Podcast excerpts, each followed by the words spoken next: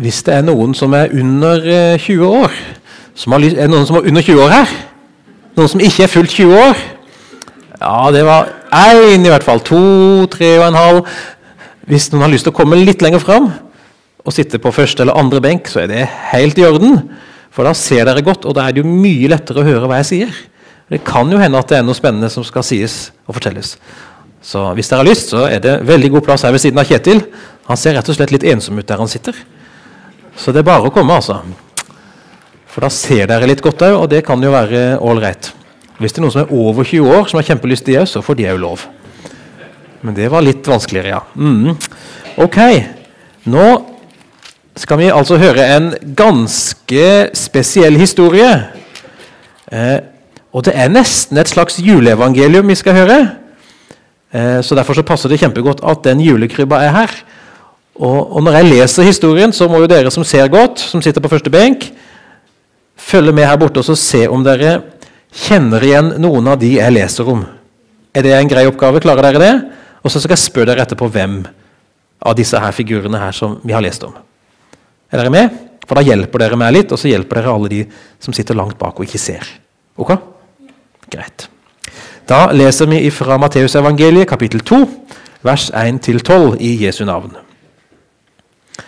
Da Jesus var født i Betlehem i Judea, på den tiden Herodes var konge, kom noen vismenn fra Østen til Jerusalem og spurte:" Hvor er jødenes konge, som nå er født? Vi har sett stjernen hans gå opp, og vi er kommet for å hylle ham. Da kong Herodes hørte det, ble han svært urolig, og hele Jerusalem med ham. Han kalte sammen alle overprestene og folkets skriftlærde og spurte dem ut om hvor Messias skulle bli født. I Betlehem i Judea, svarte de. For slik står det skrevet hos profeten. Du Betlehem i Judaland er slett ikke den ringeste av fyrstene i Juda. For fra deg skal det komme en fyrste som skal være hyrde for mitt folk Israel.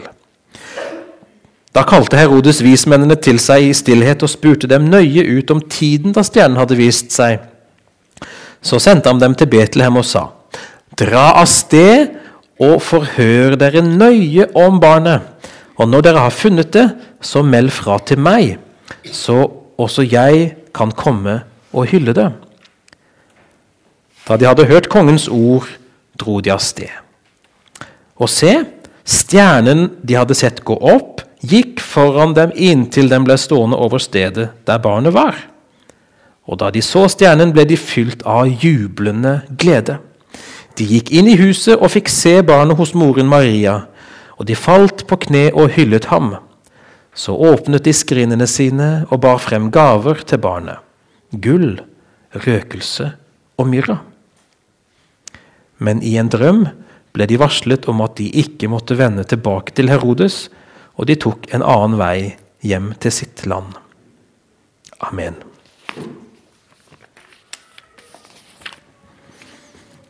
Jeg bare se hvor langt vi har kommet her.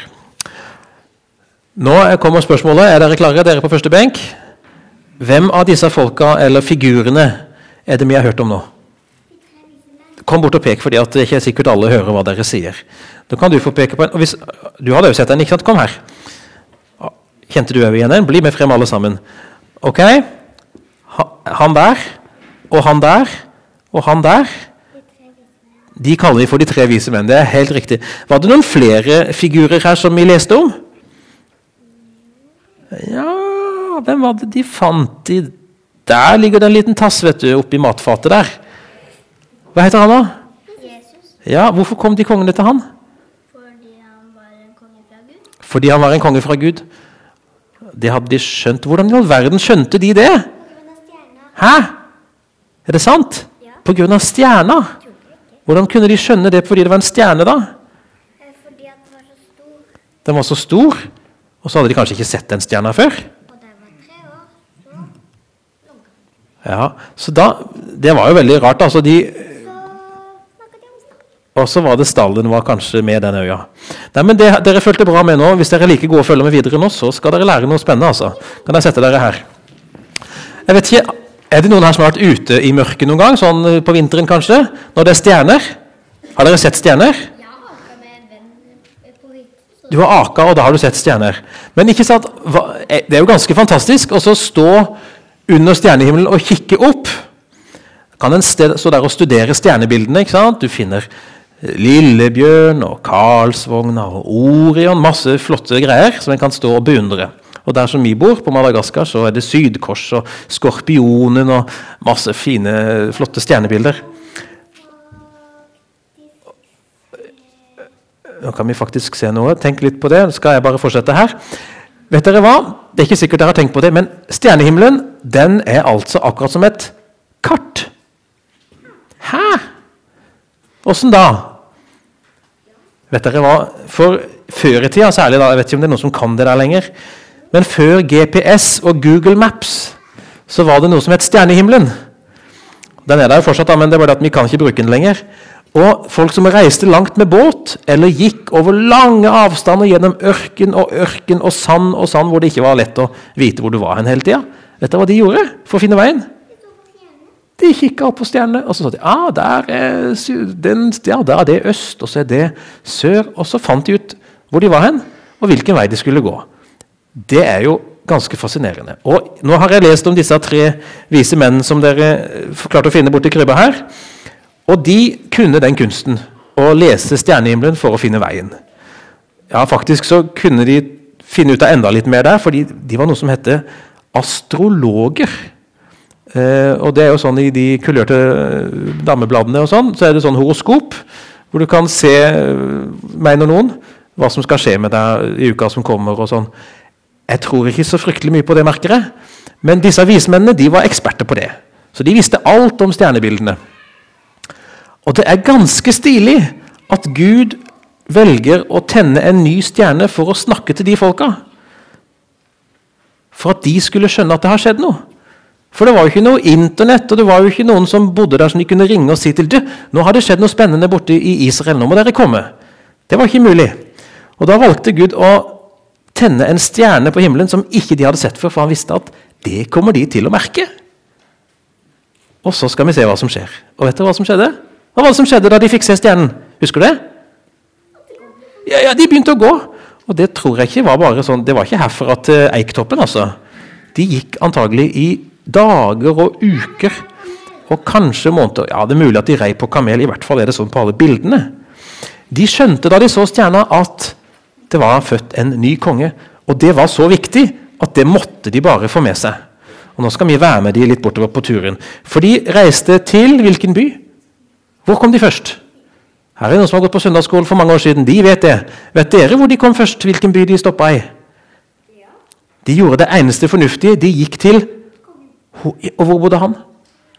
I hovedstaden som heter Jerusalem. Takk, Berit. Ja, de gikk til Jerusalem. Det var jo smart, for det er jo der kongen bor. ikke sant? Så hvis en konge er født, så må du gå til Jerusalem. Men der ble de jo eh, litt forundra, de som bodde i Jerusalem. For de visste ikke at det var født noen konge. Så da måtte de spørre noen som kunne masse om Bibelen. Og så måtte de spørre hvor er det han kongen Messias skal bli født hen. Og da fikk de svar. For hvor var det? I Betlehem. Ikke sant? Og da måtte de jo gå megalangt for å komme til Betlehem fra Jerusalem. Minst like langt som herfra til Fjærholmen. Og det er jo egentlig ikke så veldig langt i det hele tatt når du tenker over det. Det er ti kilometer. En mil måtte de bare gå. De var nesten fremme. Jeg syns det var godt gjort det, å treffe såpass med å bare følge stjernene. Og så er det jo litt stilig at de måtte se i Bibelen for å finne ut akkurat hvor de skulle hen. da. Det skjønte de ikke på egen hånd, men det kunne Bibelen fortelle dem. Og sånn er det jo med oss mennesker.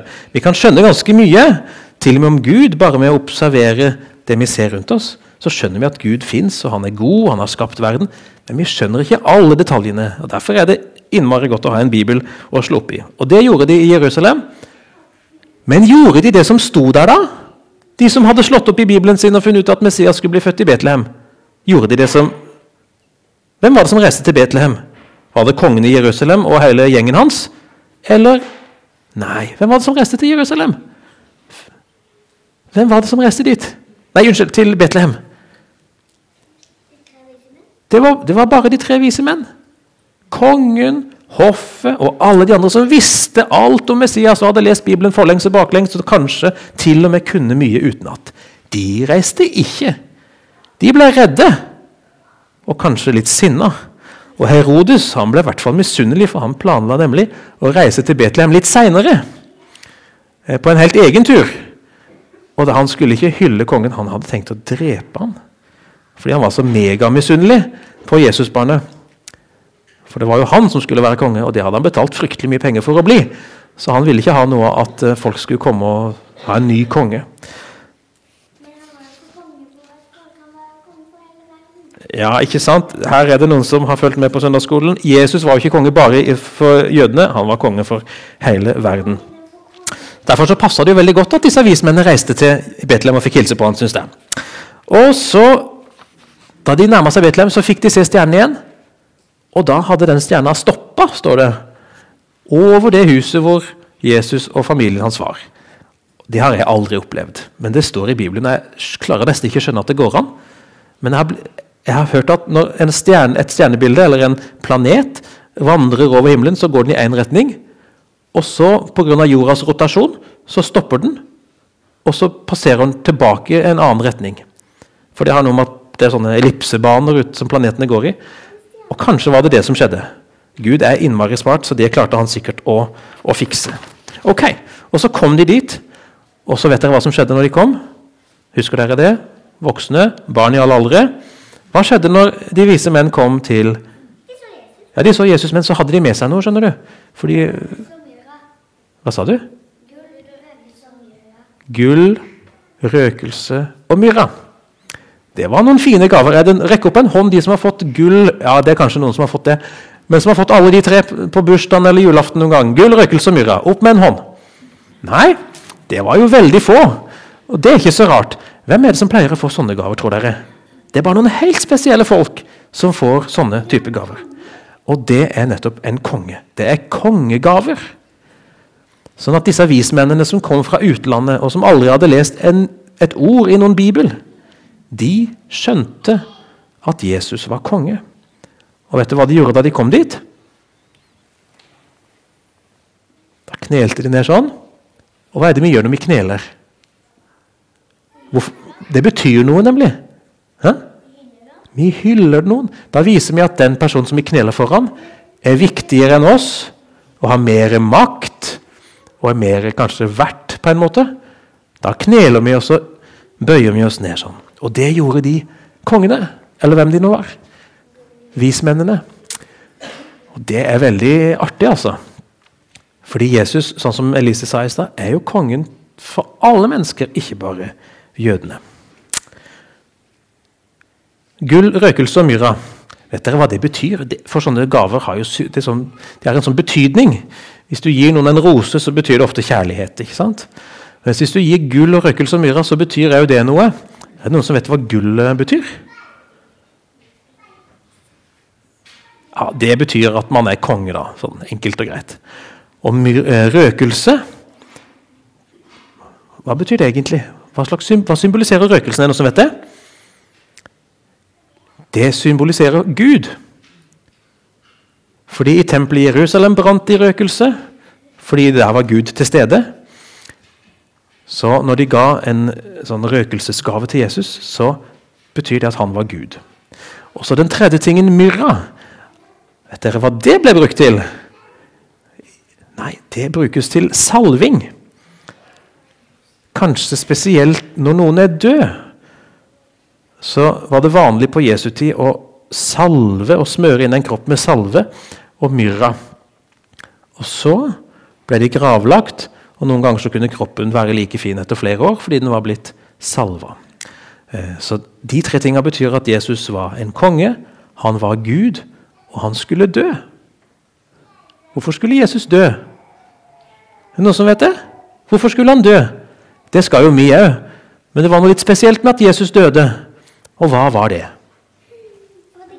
Nå pekte jeg faktisk forbi deg som er litt frimodig, og så prøvde jeg å få svar her borte. Fordi han skulle. Ja, han skulle tilgi alle. Var det det du skulle si? Nei. Hva skulle du si, da?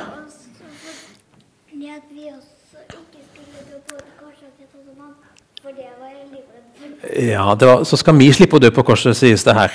For det holdt at Jesus gjorde det. Mm. Så det skjer ganske mye spennende når de tre vise menn kommer til Betlehem. altså. De som aldri hadde lest Bibelen, skjønte at Jesus var både konge, han var Gud, og han skulle dø. Jeg er ikke sikker på om de skjønte helt hvorfor han skulle dø, men det var et eller annet de skjønte her, som pekte frem mot at Jesus døde på korset. Og så var det altså stjernen, da, den lille, eller den eh, store eventuelt, stjernen som leda de frem. Når de ikke brukte kart, så brukte de stjernen. Og nå, nå har jeg et spørsmål til de, både til de små og de store barna. holdt jeg på å si. Hvem er det som har leda deg til Jesus? Vet du det? Har du oversikt over hvem de menneskene er, eller de hendelsene er, som har leda deg til Jesus? Hvis vi begynner helt fra begynnelsen, så gjetter jeg at det kanskje var mamma og pappa som tok deg med til kirka for at du skulle bli døpt. Det var gjerne første gang noen tok deg med til Jesus. De var sånne ledestjerner som fulgte deg til der hvor Jesus var. Og Så ble du litt større, og så begynte du å skjønne hva folk sa, og kunne høre på noen fortalte. Og kanskje var det noen som fortalte deg noen bibelhistorier, og som fortsatte å ta deg med på søndagsskolen eller i kirka eller hvor som helst, hvor det var noen som fortalte om Jesus. Er det sånn at det begynner å komme opp noen ansikter inn i hodene våre nå? Når du tenker på hvem disse folka var som leda deg til Jesus? Sånne folk er fryktelig viktige. Og så kan vi som sitter her òg, være sånne folk. Vi kan være sånne jeg på å si, stjerneskudd, eller i hvert fall småstjerner, som kan lede folk til der hvor Jesus er å finne. Og hvor kan vi finne Jesus hen, da? Dere på første rad. Hvor finner vi Jesus hen? Ja, men I morgen så skal Rina rydde vekk den stallen. Hjertet. Men hvis du ikke har Jesus i hjertet fra før, hvor skal du finne han da? I himmelen er det veldig vanskelig å reise dit, da. Hmm? Ja, ok, men da skal dere få et, et, dere få et tips, et hint. Skal dere En liten gåte. Den ene måten det går an å finne Jesus på, er gjennom noe som ikke er en stjerne, men som er firkanta, og som ikke lyser i det hele tatt, og som ligner litt på en boks hvis man lukker den. Eh, men det går an å åpne den. Ah, yes! Det er Bibelen. Bibelen er den viktigste ledestjerna vi har. Og Den kan lede oss til Jesus fordi den forteller om han, hvem han var, hva han gjorde.